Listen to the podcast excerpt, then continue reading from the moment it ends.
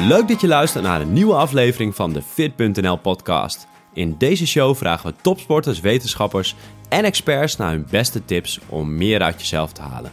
Vandaag is het onderwerp blauw licht. Is dit echt zo slecht en kun je stellen dat blauw licht het nieuwe roken is? Dit vraag ik aan onderzoeker Babette Buys. Zij heeft een PhD afgerond rondom dit onderwerp en weet meer over de effecten van lichttherapie op de mentale gezondheid. En momenteel is ze postdoc en ze is ook biomedisch wetenschapper en heeft een master in de klinische epidemiologie. Dit betekent dat ze met een kritische bril de wetenschap kan bekijken en met dit in het achterhoofd gaan we dieper in op de effecten van blauw licht. We bespreken onder andere waarom is daglicht zo belangrijk? Is blauw licht echt zo slecht? Is het een nieuwe roken? En werkt een blue light blocking bril en zo'n app op je telefoon die blauw licht wegfiltert? Daarnaast geeft Babette allemaal handige tips hoe je beter om kunt gaan met daglicht en bijvoorbeeld een jetlag. Maar voordat we het gesprek starten, even een korte promotie. Een vraag aan jou. Vind je deze podcast waardevol en interessant? Deel deze dan via social media en tag FitNL. Dit vinden we leuk en dit motiveert ons om nog meer afleveringen te maken. Verder wil je fit.nl supporten in de artikelen, video's en podcasts die we maken? Koop dan je producten via de fit.nl webshop. We zijn recent gestart met een eigen supplementenlijn met creatine, whey en nog een aantal producten. We verkopen alleen producten waar we met ons team echt achter staan en die werken, gebaseerd op wetenschappelijk onderzoek. Bekijk het op shop.vet.nl en steun de show. Maar genoeg van mijn kant, laten we het gaan hebben over blauwlicht. Babette, welkom in de show. Ja, nou hartstikke leuk uh, dat ik mag komen. Dankjewel voor de uitnodiging. Uh, allereerst even een ja, soort van basiskennis, uh, wat ik met jou wil verkennen. Wat is het effect van uh, daglicht op je mentale staat en bijvoorbeeld ook de risico's op ziektes? Ja, ehm, ja daglicht is dus ja, heel belangrijk eigenlijk. Nee, dat, dat, dat, was, dat was de podcast, jongens. Bedankt voor het luisteren. Nee, daglicht is, daglicht, daglicht is heel belangrijk. Um, het, het zorgt ervoor. Wacht. We leven zeg maar in een wereld van 24 uur. En wij hebben allemaal, uh, dat is zeg maar een beetje de uh, uitwendige biologische klok, om het zo te zeggen. Maar we hebben ook allemaal een biologische klok van binnen. En die zit in de suprachiasmatische nucleus. Dat is een kern in je hypothalamus. Moeilijke woorden, het zit gewoon in je hersenen, om dat eventjes zo kort te sluiten. En dat is de biologische klok in je lichaam. En die zorgt er, wat, wat daglicht doet eigenlijk, is dat steeds te resetten. Want je kan je voorstellen als onze biologische klok 24 uur en een beetje is. En dat is gemiddeld, dat beetje is 20 minuten. Je kan je voorstellen, als dat niet gereset wordt elke dag, dat het uit de pas gaat lopen. Um, dus dat is wat daglicht doet, die reset dat. Daglicht is zogezegd een Zeitgeber. En dat is niet een woord wat ik zelf heb verzonnen met een Duits sausje overheen, maar dat is echt hoe het in de wetenschap heet. Een Zeitgeber, dat is een, uh, een aanwijzing in de omgeving die eigenlijk aan jouw klok vertelt hoe laat het is. En daglicht is de belangrijkste. Um, uh, maar je hebt ook uh, sociale activiteiten, je hebt sport, uh, je hebt eten, slaap, allemaal verschillende aanwijzingen die jou dus vertellen um, hoe laat het is eigenlijk. Ja, het is heel belangrijk. Want als ik zeg maar even onderbreken, als je kijkt naar bijvoorbeeld ja. een, een, als je in een andere tijdzone komt. Stel je mm -hmm. voor, ik ga naar, nou, ik heb een paar keer naar Bali gevlogen en dan heb je, heb je, krijg je heb je een heel ander dagritme. Uh, ja. Dan zit je een paar, paar uur, uh, moet ik het even goed zeggen, je zit een paar uur voor op Nederland. -hmm. uh, en dan moet je, moet je lichaam en je geest, die moet zich opnieuw resetten. En als mm -hmm. je dat dan één of twee, drie dagen en op een gegeven moment kom je alweer in dat ritme. En eigenlijk de Mhm. primaire factor daarin inderdaad is licht. Dus wat ik Ja. dan deed, om even, om even kort eh, eh, een beeld te geven, om dat te resetten, ging ik expres al gelijk in het ritme mee. Zodat mijn eh masterklok in je hersenen eh, weer gere- gereset wordt. Dus dat, daglicht is echt super belangrijk. Ja, nee, dat is super belangrijk. Ja, ik heb, eh nou goed, dat- oké, nu ga ik weer een zijpaadje bewaren, bewandelen. Maar eh, ik ben ooit een keertje, nou, op een gegeven moment vloog ik, ik weet niet of het Chicago was of New York. Eh, en toen had ik op een gegeven moment, eh, toen zat ik in het midden van het vliegtuig. En dan, zeg maar, ik vloog, oké, dit wordt een beetje een warm verhaal, maar ik plan dus, probeer ik altijd heel goed te plannen met hoe laat ik aankom en hoe laat ik eh, dus vertrek, zodat het, de jetlag het minst erg wordt. Ehm, maar dan, en dan vloog ik dus naar, het, eh, naar Amerika, dus dan vlieg je naar het westen. En ehm, dan was dan zeg maar de truc, tenminste voor de tijd dat ik aankwam, wakker blijven, wakker blijven, wakker blijven. Het zat ik in het midden en toen scheen precies uh, het zonlicht in mijn gezicht. En dacht ik, wow, dit is eigenlijk echt super chill. En eigenlijk dacht ik, wow, hier moet ik, hier moet ik rekening mee gaan houden als je een stoel kan boeken. Dat je dan juist links of rechts van het vliegtuig gaat zitten, want je weet waar de zon zit. Dat je op die manier al een beetje jezelf helpt tijdens de rit. Maar nou dat was een, is een random brain fart. Ja, maar dat is zeker waar. Dus die... berekenen. De hoek berekenen waar het stof valt en of, er niet, of je niet door de wolken heen vliegt en zo. Nee, precies, ja, dat is waar. Dat is waar. Maar goed, in elk geval... Dus... het verhaal. Nee, maar maakt helemaal niet uit. Vind ik alleen maar leuk. Uh, nee, dus daglicht is inderdaad belangrijk. En inderdaad, eigenlijk doe je dat al heel goed. Dat je gewoon meteen in het, in het nieuwe ritme gaat. Zo snel mogelijk.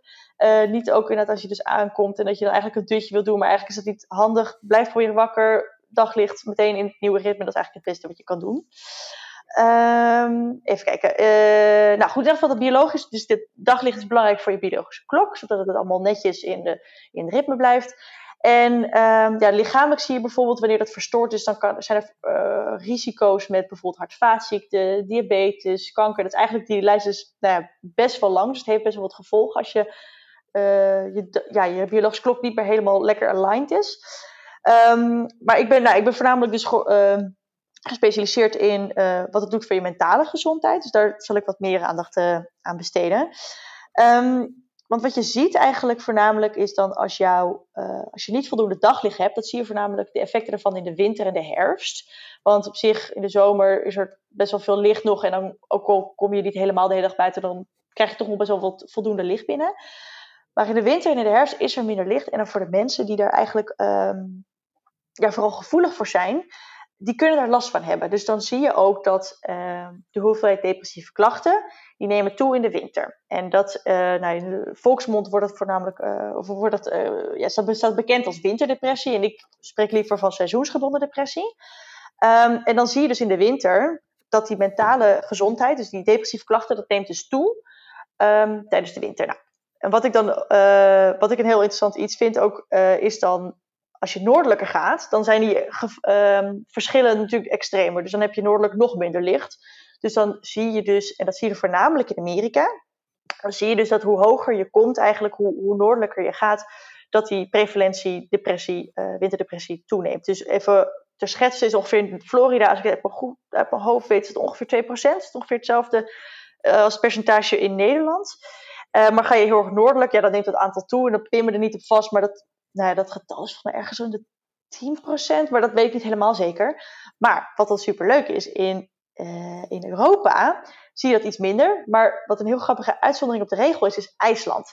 IJsland ligt heel erg noordelijk, maar daar is het cijfer, uh, de prevalentie, dus hoeveel mensen er last van hebben, is ongeveer hetzelfde als in Nederland. Maar dat is wel interessant. Hoe kan dat? Nou, wat het dus is, is dat dan uh, in het jaar 1000 hebben uh, mensen zich daar gevestigd. En eigenlijk is daarna die populatie heel erg geïsoleerd gebleven. Um, en die mensen hebben zich eigenlijk simpelweg erop aangepast. Nou, dan kun je sommige mensen dan misschien zeggen van ja, maar er zit er iets in het water. Hè? die gijzers die allemaal uh, antidepressieve werking. Maar wat ze dus hebben gedaan, hebben ze in Canada hebben ze daar mensen onderzocht. En ook een groep mensen die daar uh, van IJslandse komaf was. Dus dat zijn de emigranten geweest. En die hadden nog steeds dat ontzettend lage uh, prevalentie. Dus dat is, uh, ja, die hebben zich gewoon aangepast aan die omstandigheden. Dat ja, vind ik echt super interessant. Ja, en is dat dan een soort van, uh, in, in duizend jaar een soort van genetische selectie of zo? Of een soort ja, van ja, doorselectie? Ja, het, het kan zijn, als, als het natuurlijk evolutie is, ja, dan moet het zich natuurlijk wel een beetje soort van doorgeven dat bijvoorbeeld mensen met depressie zich minder hebben voortgeplant. De mensen die, of, uh, sorry, mensen die last hadden van die uh, winterdepressie, van die klachten in de winter, dat die dit minder hebben voortgeplant, zeg maar. Dat daardoor de mensen die het meeste voordeel hadden, uh, dat die dus zich wel meer ja. voortplant, zeg maar. Dat het op die manier wordt doorgegeven. Ja, ik, ik weet niet precies hoe het verder is, maar ja, ik vind het wel een heel uh, leuk weetje. Oh, boeiend. Ja, of het is gewoon, uh, gewoon in IJsland gewoon geaccepteerd om uh, iets, iets treuriger te zijn. En dan niet als depressie aan te kijken. Niet zo zeuren, gewoon aanpakken. Ja, ja iedereen, van. iedereen allerlei dingen gewoon van... dat hij depressie heeft. ja, ja. goed, heel veel factoren. Maar dat is wel interessant. Dus inderdaad, daglicht is, is heel belangrijk.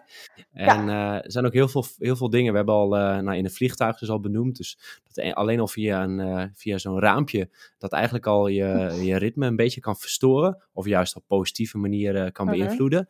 Uh, maar een van de dingen die waar we vandaag echt op ingaan is uh, licht. En blauw licht staat echt in, in de picture.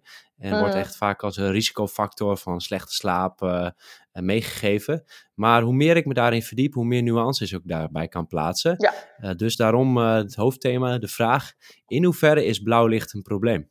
Mhm. Ja, ik ben wel met je eens met eh, die nuances. Ehm, want je, je ziet inderdaad dat blauw licht heeft een beetje een, een slechte naam gekregen. En die krijgt overal eh, de schuld van. En het is zo dat blauw licht is zeker niet alleen maar slecht. Eh, Sterker nog, het is ook echt niet alleen maar slecht. Het kan ook juist heel goed zijn. Het gaat hier een beetje eigenlijk ook om de timing en het gaat ook heel erg om de context. Want bijvoorbeeld blauw licht in de ochtend, dat is prima. Ehm, als je ook bijvoorbeeld kijkt naar het natuurlijke kleurenspectrum over de dag, gewoon zeg maar buiten, dan is van nature is het licht in de ochtend al veel blauwer. Dan is het overdag is het ook nog steeds wat koeler. En dan s'avonds, um, dan wordt het wat rooier. Dat gaat gewoon, zeg maar, daar hebben wij ons ook een beetje op aangepast in die zin. Dat, wij heel goed reageren op blauw licht in de ochtend. Um, en de, daarbij blauw licht, nou goed, ik heb zelf heb ik een, eh, een lichttherapie uh. Er zitten ook blauwe ledlichtjes in. En dat wordt ook gewoon gebruikt voor, uh, nou, als, als lichttherapie bij depressie. Maar is ook in te zetten bij jetlags. Is in te zetten bij uh, mensen met nachtwerk. Dus um, blauw licht is zeker niet alleen maar verkeerd. En dat is ook een beetje wat, wat ik een beetje merk. Tenminste, wat ik denk dat mensen denken. Uh, is dat mensen denken dat blauw licht een, een, een, een lichtje is met een blauwe kleur. En dat is niet helemaal hoe het werkt. Het is namelijk zo dat blauw licht zit eigenlijk in heel veel dingen. Um, als jij uh, groene verf wil hebben, dan meng je met blauwe met gele verf en dan heb je groene verf. Maar dat werkt niet zoals met, met licht. Uh, omdat het spectrum werkt anders. Dus je hebt bijvoorbeeld uh, rood licht en groen licht en samen krijg je geel licht. Dat, dat werkt dus anders. Dus je hebt dat blauw licht zit eigenlijk uh, overal in. Dus bijvoorbeeld wit licht, er zit een ondertoon van blauw in. En, ja, dus blauw licht zit in een hoop dingen. En dan zie je dus bijvoorbeeld heel grappig dan, dat mensen dan heel braaf hebben ze zo'n blue blocker op hun laptop aan. En dan heb je een beetje zo'n rode gewaas. Maar ondertussen zitten ze wel onder een witte bureaulamp. En dan heb je dus alsnog wel, um, krijg je wat blauw licht binnen. En het is zo dat um, niet alleen blauw licht zorgt voor een effect. Het zorgt wel voor het meeste effect. Um, en dat, met effect bedoel ik dan dat onder andere melatonine onderdrukt wordt. Maar andere kleuren licht hebben ook zeker effecten.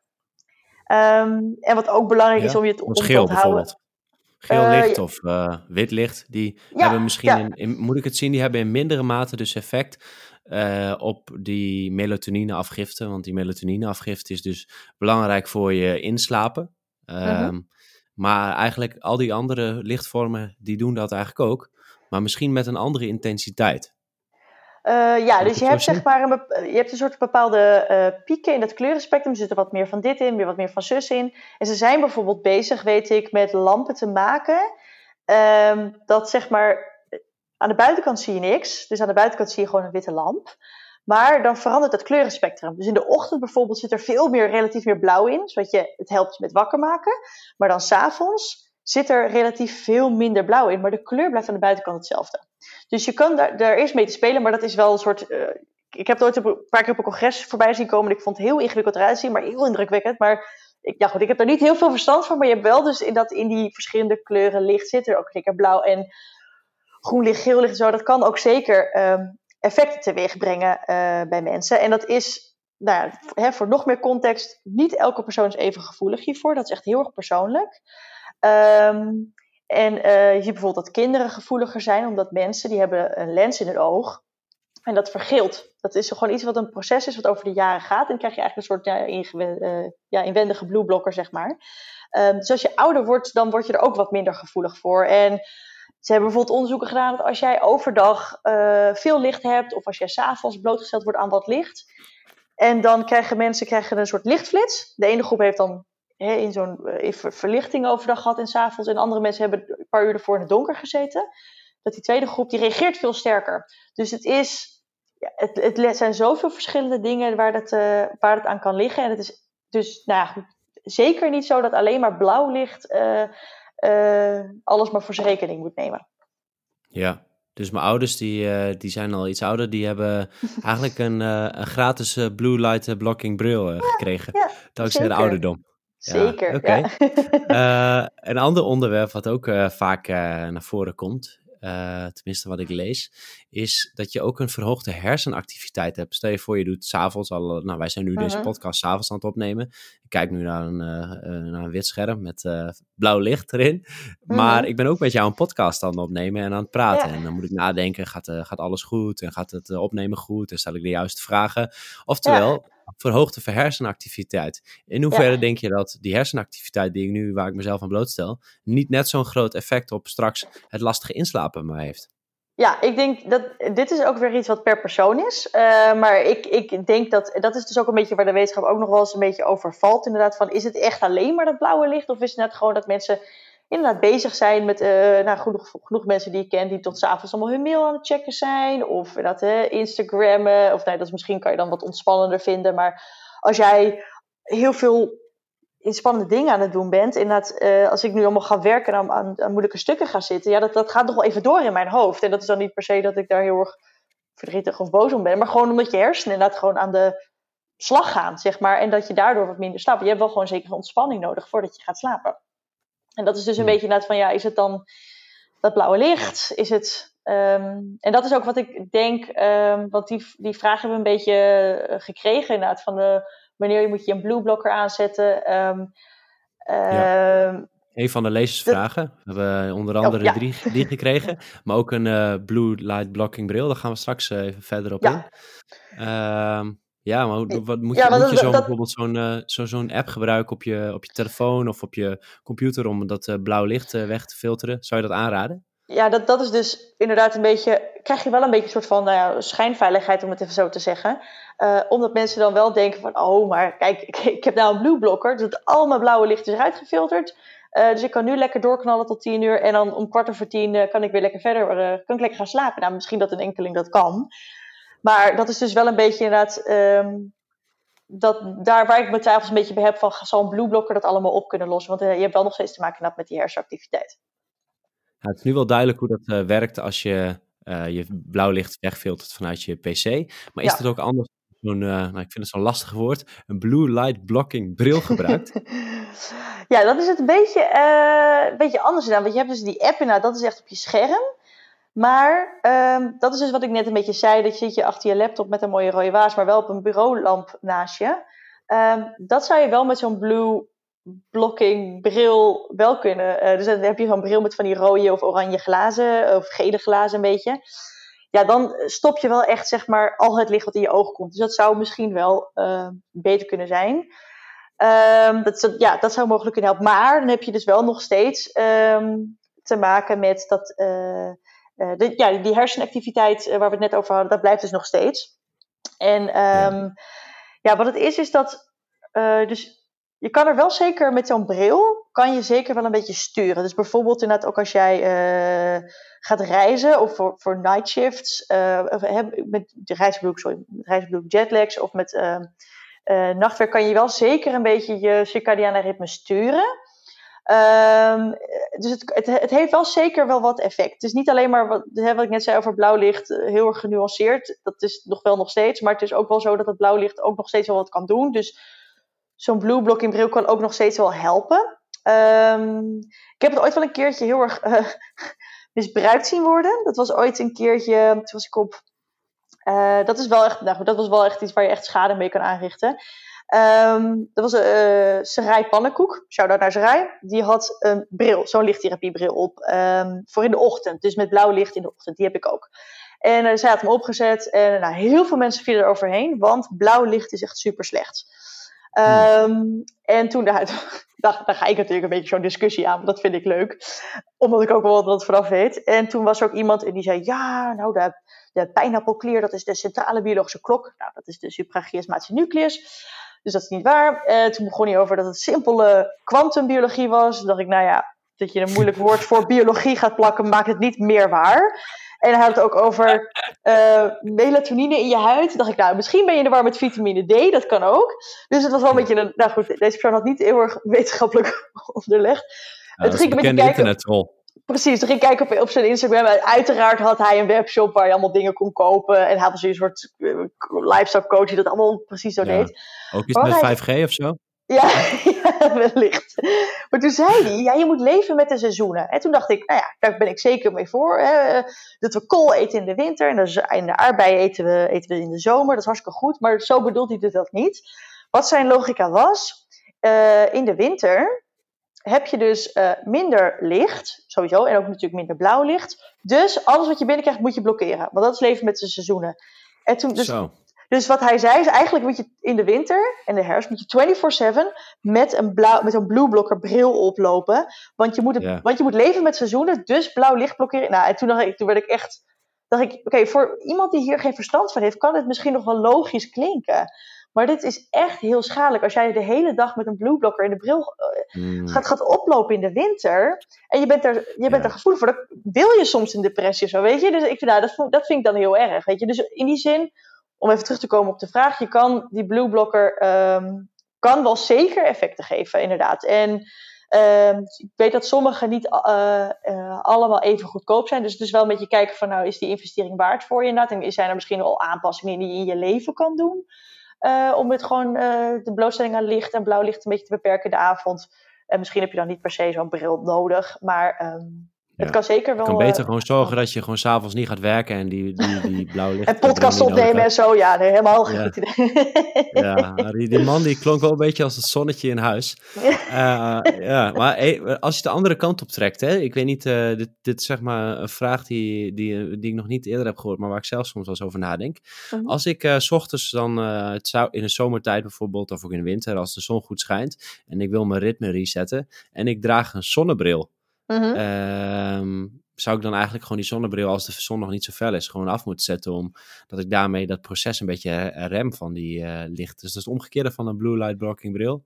Ja? Uh, moet ik dat proces me niet be be bemoedigen door die zonnebril gewoon af te doen s ochtends? Ja, zeker. Wat, wat ik dus ook, wat mij laatste keertje opviel, was ik was uh, naar huis aan het fietsen van werk. En um, ik kwam langs uh, terrasjes. Dus je moet je voorstellen, dat was een rond een uurtje of vijf, denk ik. En iedereen, nou laten we even iedereen, uh, typische kantoormensen, de hele dag binnen. Die heeft in de ochtend misschien niet echt veel licht gehad.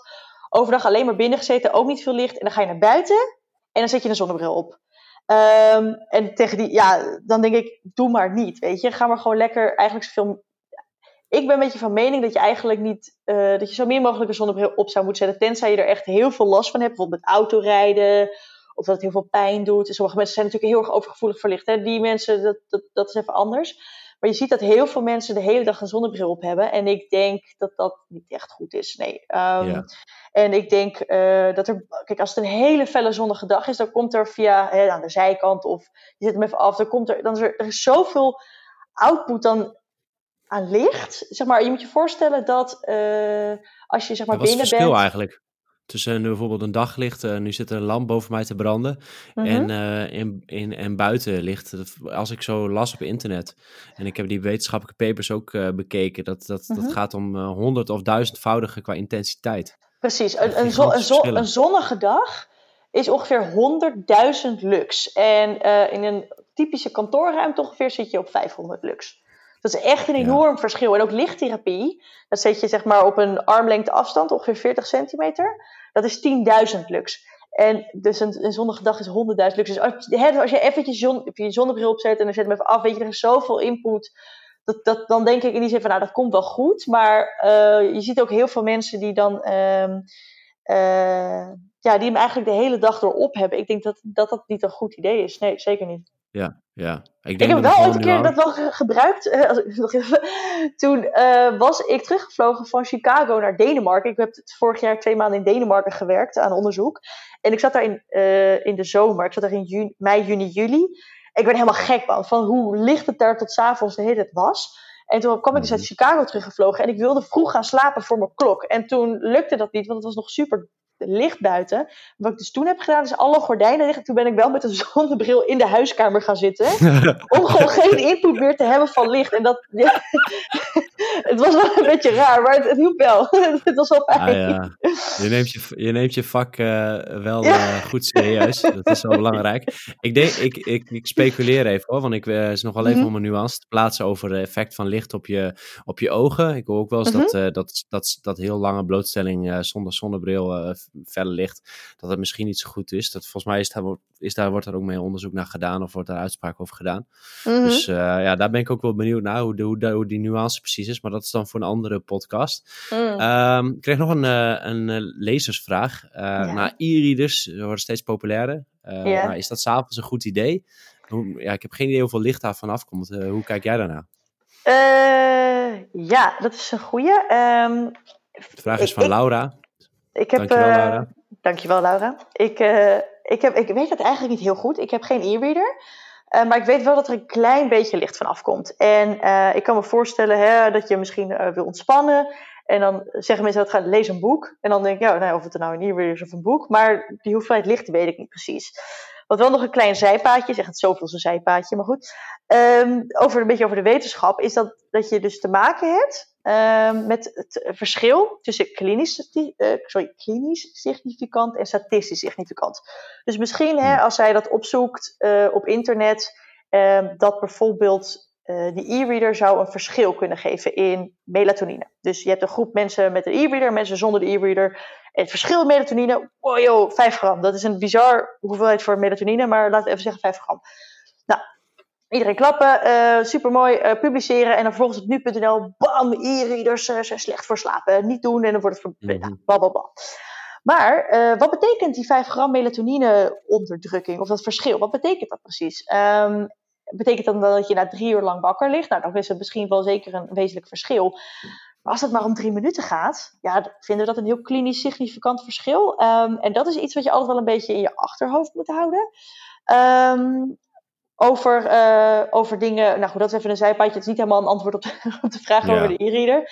Maar dat is wel iets wat je een beetje in je achterhoofd moet houden. Ook met, die, met het blauwe licht. Dan wordt er ook uh, bij de kleinste hoeveelheden licht, dan wordt er al een, een effect gezien. Maar dat effect, ja, wat, ja. wat betekent dat effect precies? Ja, ik denk dat het, het, antwoord eigenlijk voor Laura is, uh, uh, mocht ze hier het antwoord op willen vinden, dan moet ze eerst een cursus wetenschap doen, hoe je methodes moet bestuderen. En dan moet ze op haar e-reader lezen, s'avonds in bed, vlak voordat ze gaat slapen, om haar aan het denken te zetten. Oftewel, waarschijnlijk is het licht niet zo het serieus probleem, maar is hetgene wat je leest op die e-reader denk ik eerder het probleem. Dus ja, doe dat vooral niet in die lastige wetenschappelijke stukken. Maar even kijken, een van de belangrijke je zou, vragen... Je zou, je zou het kunnen proberen, kijken of je het, als je heel, merkt dat je heel lang wakker ligt en normaal heb je dat niet, of je doet een keertje een nachtje niet. Ja, nou, nogmaals, ik denk dat het ook persoonlijk is voor iedereen weer anders. Precies, ja. precies. Alright, uh, Roy kwam nog met een interessante vraag. Uh, uh-huh. Wanneer moet je stoppen met de lichtblootstelling voor je slaap? En dan weet ik dat je wetenschapper ja. bent en houdt van genuanceerde uitspraken. Ja. Maar, de maar, de luisteraar die zit natuurlijk met smart te wachten op een, uh, op een, op een tijdsrange. En ik maak het je makkelijk door een, door een tijdsrange te geven in plaats van alleen maar het aantal minuten. Oké, okay, nou hartstikke fijn, dankjewel. Um... Ja, ik wil hier natuurlijk weer heel veel gaan praten over nuances en alles. Maar ik denk. Um, nou, ik denk. Uh, ik weet dat er veel mensen die houden een vuist. Ik weet het niet of het een richtlijn is of waar het op gebaseerd is. Maar ik weet dat heel veel mensen een uur aanhouden. Uh, ik weet niet precies of, waar dat vandaan komt. Uh, of dat, het, of dan, dat, je, dat je hersenactiviteit dan stopt of zo. Of dat je. Ik, er is niet echt een soort halfwaardetijd, net zoals cafeïne of zoiets. Dus ik weet niet precies, maar ik weet dat er veel mensen ja. houden een uur aan. Ik, misschien dat jij dat ja, beter weet wat er een soort richtlijn over is. Ja, halfwaardetijd is, uh, is bijvoorbeeld als je cafeïne neemt uh, in, in hoeveel uren, zeg maar. Nou, in cafeïne is dat volgens mij 3,5 uur of 3 uur. En dan uh, is de, de helft is uitgewerkt, zeg maar, het effect daarvan. Dus ja, ja. Ja, jullie zijn nu bezig denk... met een challenge, hè? Niet meer drinken na 12 ja, uur, dacht ik. Ja, klopt. Nou, deze podcast wordt vrijdag gepost, dus mensen kunnen nog twee dagen meedoen. Dus mocht je minder koffie willen drinken, check even de Instagram. Maar goed, zet ik wel in de show notes. Um, ja, dat is dus die regel. Ik hou meestal twee uur aan voor mensen. Okay. Maar dat is misschien ook te uitdagend. Um, ja, er zijn inderdaad geen harde richtlijnen van, maar twee mm. uur is hartstikke een mooie doel. Vraag is of mij dat gaat lukken vandaag met de podcast opname. Ik denk het wel. Dus dat is Alright. positief. Nou, we hebben nu een stukje wetenschap gehad. We hebben een stukje mm -hmm. beschouwing al gehad. Um, Maar het is ook nog wel even interessant om echt naar concrete tips toe te gaan. Hoe kun je optimaal gebruik maken van de lichtblootstelling? Een soort van takeaways voor de luisteraar om optimaal je ritme te resetten of uh, ja, optimaal daar gebruik van te maken. Wat mhm. zijn de tips die je mee wil geven? Nou, eigenlijk het allerbelangrijkste is dat je overdag veel licht moet pakken. En dan uh, voornamelijk in de ochtend. Want denk, hè, denk aan dat natuurlijke kleurenspectrum. In de ochtend zit er van nature meer blauw licht. En dan heb je ja, met het resetten van die biologische klok heb je meteen een lekkere kickstart. Dus ik, uh, nou, ik weet dat jij uh, dat ook adviseert dat je het zelf doet in de ochtend een, een wandelingetje maken. Uh, ik dat is influencer uh, posten regelmatig uh, selfies dat ik aan het lopen ben met een kopje koffie in de ochtend om mensen daarmee te stimuleren. En ik krijg dus echt heel veel leuke reacties van mensen die dus oh, nou, dat doen in de ochtend. En die dus gaan wandelen. En nou, ik, als ik het helemaal mooi mag maken in een natuurbosrijke omgeving. Kijk. Kijk, dan heb je koffie, nou, dat vind ik dan lekker. En bosrijke omgeving plus daglicht. Mhm. Zonder zonnebril? Nou, dan heb je perfect. Heel goed, precies. Nou, inderdaad, vooral in de ochtend helemaal goed. En uh, ik kan me voorstellen dat we niet allemaal naar uh, een wandelingetje kunnen maken, maar misschien wel dat je uh, wandelt naar je werk of fietst naar je werk. Ehm, wat ook een hele belangrijke eigenlijk is, is in de ochtend echt een grote no-no is snoezen. Eigenlijk moet je gewoon meteen je bed uitgaan en hup, meteen het licht uh, jezelf aan licht blootstellen. Nou, nu weet ik dat. Um, oh ja, een, tip is misschien een wake-up light. Dat is, uh, zo'n, uh, dat is niet een daglichtlamp, maar dat is iets wat ervoor zorgt dat het zeg maar, je natuurlijke wakker maakt. Dat je dan een beetje met een lichtje aan wakker wordt. Misschien dat dat helpt. Um, eventueel kan je ook, want niet altijd in de ochtend is er meteen licht. Nu is het er nog wel, oké, hangt vanaf hoe laat je opstaat.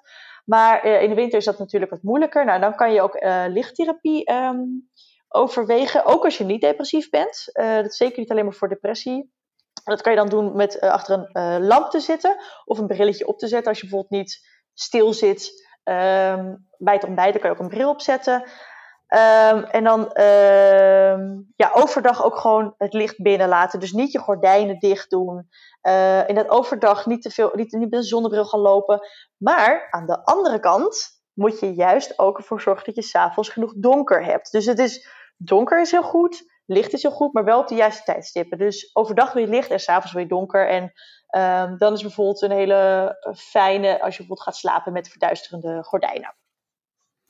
Ja, dat, zijn wel hele, uh, hele, hele mooie tips. En uh, ja, hopen dat als je zo'n uh, bril gebruikt, dat je dan niet te veel door trollen wordt lastiggevallen. Dus dat, nog steeds zo.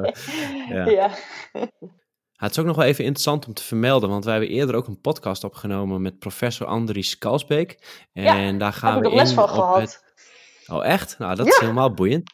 En die, uh, die zetten we ook even in de show notes voor de luisteraars. Mhm. En uh, daarin gaan we in op het onderwerp: is het ongezond om s'avonds laat te eten? En daarin bespreekt hij eigenlijk uh, niet, het, niet echt het onderwerp daglicht, komt wel heel erg kort te sprake, maar meer het, de invloed van eten uh, op je bioritme, op je circadiane klok.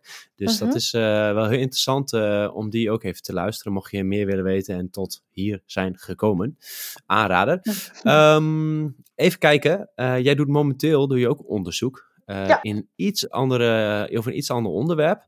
Uh, Maar we hadden in het voorgesprek hierover. En ik vond het toch wel interessant dat dit even ter sprake komt, omdat het ook maatschappelijk relevant is en uh, mm dat ik er wat van geleerd heb. Kun je uitleggen waarom dit onderzoek zo belangrijk is? ja, nou, ik heb dus onderzoek gedaan naar. mijn hoofdonderzoek was lichttherapie bij depressie tijdens zwangerschap. En ik heb daar nog wat andere projecten naast gedaan. dus ik heb onderzoek gedaan ook naar slaap bij depressie tijdens zwangerschap. Omdat slaap en ja, depressie, die, ja, daar zit een, uh, hoe noem je dat, een soort wederkerige relatie tussen. Dus, dus dat pijltje zeg maar tussen die twee, die wijst alle kanten op. Van slaap naar depressie, maar ook van depressie naar slaap. En ook omdat lichttherapie, uh, omdat het je slaap verbetert, verbetert daarmee ook je depressieve klachten. Dus het werkt niet alleen direct, uh, maar ook indirect. Um, en ik heb ook onderzoek gedaan naar de seizoensfluctuaties bij depressie tijdens zwangerschap. Dus zien wij, hè, net zoals dat we bij de tussen haakjes ik doe nu met mijn vingers air quotes, maar dat zien mensen nu natuurlijk niet. Normale depressie, of eh, sorry, nee, wat zei ik nou? Uh, ja, bij de normale populatie, dat je dan, daar zie je meer klachten in de winter en minder in de zomer. We hebben gekeken, is het ook dan bij de, bij de zwangere populatie of is zwangerschap zo sterk dat het een soort van er doorheen dendert? Um, en uh, het grappige is dat ik heel vaak, uh, nou, dan vertel je wel eens aan mensen wat je aan het doen bent. Dus dan is het, ja, ik doe onderzoek naar depressie tijdens de zwangerschap. Zie je mensen altijd een beetje glazig kijken en die zeggen dan, hé, wil je niet na de zwangerschap? En ik, nou, ik weet zelf wel beter hoe mijn onderzoek is. Het is echt tijdens de zwangerschap, maar dat komt gewoon simpelweg omdat mensen niet weten dat dat dus kan. Ehm, en dat is dus, mensen hebben wel vaak gehoord van een postpartum depressie of dan zeggen ze uh, een postnatale depressie. En alsjeblieft, luisteraars, gooi die eventjes uit je uh, vocabulaire. Want nataal, dat gaat uit van het kindje. En dan met de postnatale depressie zeg je eigenlijk dat dat kind een depressie heeft na de geboorte. Misschien is dat zo. Hij is lekker uit de baarmoeder en hij zit nu in een koude wereld. Wellicht, maar dat is niet wat we natuurlijk bedoelen. Dus alsjeblieft, postpartum depressie. Dat kennen mensen wel. Maar tijdens, dat hebben mensen niet echt het idee dat dat uh, kan. Dus ik ben heel erg bezig met dat onderzoek verder uit te werken. Met depressie tijdens zwangerschap. Uh, veel vrouwen die er ook voorafgaand aan de zwangerschap hebben, eigenlijk een beetje rondom de zwangerschap. Maar dat is heel erg belangrijk eigenlijk. Want het is. Het komt ja, hoe vaak komt het voor? Ja, het komt heel vaak voor. Het is, het is, het is 12 procent. Dus dat is 1 op de 8 vrouwen die te maken krijgen met een depressie tijdens zwangerschap. In Nederland is dat alleen al iets van 24.000 zwangere vrouwen. En omdat er dus een soort taboe op heerst. Uh, er is schaamte, want hey, je zit hier op een roze wolk en je wil toch zo graag zwanger worden. Um, of mensen herkennen het niet, want ze denken, ja, ik ben een beetje moe, dat hoort er toch gewoon bij. Uh, daardoor is er gewoon heel veel, ja, mensen weten het niet. Dus mensen zoeken er ook geen behandeling voor vanwege schaamtegevoelens of wat dan ook. Dus ondertussen lopen ook vier van die vijf vrouwen lopen dan ook onder, onbehandeld rond. En dat is ja, ik, ik vind dat heel jammer en ik vind dat heel verdrietig voor deze vrouwen. Dus ik wil heel graag dat hier meer bekendheid over is. En dat er meer awareness over komt. En daar ben ik ook met een heel fijn, uh, mooi project ben ik bezig. Dus hopelijk kan ik daar wat meer uh, later over vertellen. Want dat kan nu nog, helemaal, ja. nog niet helemaal. Ja. Maar ja, dat dus is gewoon heel belangrijk. Klinisch, statistisch en maatschappelijk relevant. Zeker, ja, absoluut. Ja, ja. ja. Nou, dat is goed dat je daar onderzoek naar doet, maar ook echt zo gemotiveerd bent. En uh, ik denk ook voor de luisteraar en voor mezelf ook, uh, dat dit zo vaak voorkwam. Uh, nou, ik hoop dat we dat in de toekomst vaker of nou, nou ja, ja, uitgebreider kunnen bespreken om daar meer duidelijkheid over te krijgen. En ik ben ook benieuwd welke factoren dat beïnvloeden. Maar als, zoals ik hoorde in het voorgesprek, is dat nog niet helemaal duidelijk waardoor dat dan al precies komt. En blijkbaar ja, de, de... iedereen dat, iedereen, elke vrouw dat ook treffen. Precies, ja, dat had ik inderdaad een beetje over van. Dat het ook zeker niet alleen maar de vrouwen zijn met een lage socio-economische status en een laag opleidingsniveau in de achterstandswijk. Zeker niet. Het kan echt iedereen overkomen. Ja, nou, laten we, laten we dit zeg maar uh, belangrijk onderwerp uh, weer, weer positief afsluiten, de ja, podcast. zeker. Maar we hebben het wel genoemd, dus um, we hebben nog twee onderwerpjes, twee vragen. Ja. Uh, allereerst, is er een boek of, uh, nou, dat was vorige, gast, vorige gast, die, die las niet zo graag boeken, die had een podcast aangeraden. Ja, aangeraden. Gehoord, ja. Maar, ja, maar is er een boek of een podcast die jij de luisteraar en mij mee wil geven? Ja, zeker. En waarom? Um, nou, wat, ik heb toen een boek gekregen, toen had ik, uh, kijk, twee jaar geleden, toen ik dus als uh, klinische epidemioloog afstudeerde, toen kreeg ik een boek van mijn opleiding en dat heet Feitenkennis. en dat is door Hans uh, Hans Rusling, Ro Rosling, het is een, het is een Zweed. Is het een Zweed? Is het een, mm -hmm. Ja, het is een Zweed. Uh, en die heeft echt een fantastisch boek geschreven. Uh, als je eventjes, ik, ga, ik heb hem nu voor me staan. Als je even 20 minuten tijd hebt, luisteraar, ga eventjes um, de TED-talk van hem kijken. De beste statistieken die je ooit zag. En daar, als je dat een beetje ziet, dan dat is een beetje een voorproefje van het hele boek ook. En hij eigenlijk uh, het, het, boek gaat over, um, ja, heel erg over statistiek. Het heet ook, het is feitenkennis, tien redenen waarom we een verkeerd, van de, verkeerd beeld van de wereld hebben en waarom het beter gaat dan je denkt. En eigenlijk is het de, de boodschap is een beetje van, het gaat echt een stuk beter met de wereld. Het is niet, natuurlijk zijn er gebieden waar het niet goed gaat, maar het is niet zo slecht als, dat, als dat we het kennen. En hij heeft het fantastisch geschreven. Het is zo'n droog boek. Het wordt ook door zoveel mensen aangeraden. En ja, het is gewoon echt fantastisch. Het is zeker niet droge statistiek, maar je krijgt, hè, wat, wat, waar we het net over hadden, van dat je moet leren hoe je met statistiek en wetenschap moet omgaan. Nou, als je dit boek leest, dan krijg je al een heel groot idee, heel goed idee van hoe het precies Het is gewoon ook een heel leuk boek om te lezen. Dus dat kan ik zeker aanraden. Klinkt wel heel, uh, wel heel positief naar het vorige onderwerp. Ja, um, ja. ja, zeker. Het klinkt een beetje als uh, de meeste mensen deugen, dat boek, maar dan de statistiek variant met een stukje wetenschap. Ja, zoiets, ja. Dus uh, ja, zet hem in de show notes. Um, ja om de podcast af te ronden. Uh, we hebben altijd één afsluitende tip. Die mag over het onderwerp wat we net hebben gehad. Of in, de, in, ja, in het leven in het algemeen. Of over sport of voeding gaan. Welke tip uh, wil jij uh, meegeven? Um, ja, dat is eigenlijk een beetje een soort van de samenvatting van deze podcast, denk ik dan. En dat is dat licht en donker zijn allebei heel goed. Ze kunnen ook allebei heel slecht zijn. Maar passen toe op de juiste tijdstippen. Dus veel licht overdag en veel donker in de avond. Dat is denk ik uh, het belangrijkste wat ik uh, mee wil geven. Helemaal goed, tof. Voor de, voor de mensen, waar kunnen ze jou volgen? Uh, via Instagram, je onderzoek, waar, waar, sta, waar kunnen we mensen jou vinden? Ehm, je kan me vinden op LinkedIn, dat is gewoon mijn naam, Babette Bijs. Daar deel ik eigenlijk heel veel over mijn onderzoek, over dingen die ik doe. Ehm, dus als je dat leuk vindt om dat te volgen, dat, dat kan zeker daar. En ja, ik kan me ook volgen op Instagram, dat is BabbitBase. Um, ehm, dat gaat wat minder over wetenschap. Uh, misschien dat ik het wel eens wat meer ga doen. Want ik krijg wel van veel mensen dat dat heel leuk is als ik er ooit eens, als ik een keertje wat over deel. Uh, maar voornamelijk zijn dat ja, veel memes, plaatjes van puppies en uh, flauwe captions. ja, en ook wel wat krachttraining, want we weten dat je ook wel ja. redelijk serieus traint. Dus dat is ja, ook uh, altijd leuk. Dat is ook wel waar. En uh, gewicht, gewichtheffende, krachtsportende wetenschapper. Ja. Uh, hartstikke leuk. Bedankt voor de, voor de waardevolle informatie en de tips. En uh, ik ga zo ja. gelijk mijn uh, laptop dichtgooien. Heel en nog even buiten een stukje wandelen. Ja, nou, bedankt. hartstikke goed. Ja, jij ook heel erg bedankt. Dit was de aflevering met Babette Buis. Wil je meer informatie? Bekijk dan even de show notes voor de besproken artikelen en de linkjes. En daarnaast zijn we heel benieuwd wat je van deze podcastaflevering vindt. deel hem via social media en tag FitNL en Babette Buis. Dit was het voor nu. Bedankt voor het luisteren en tot bij de volgende aflevering.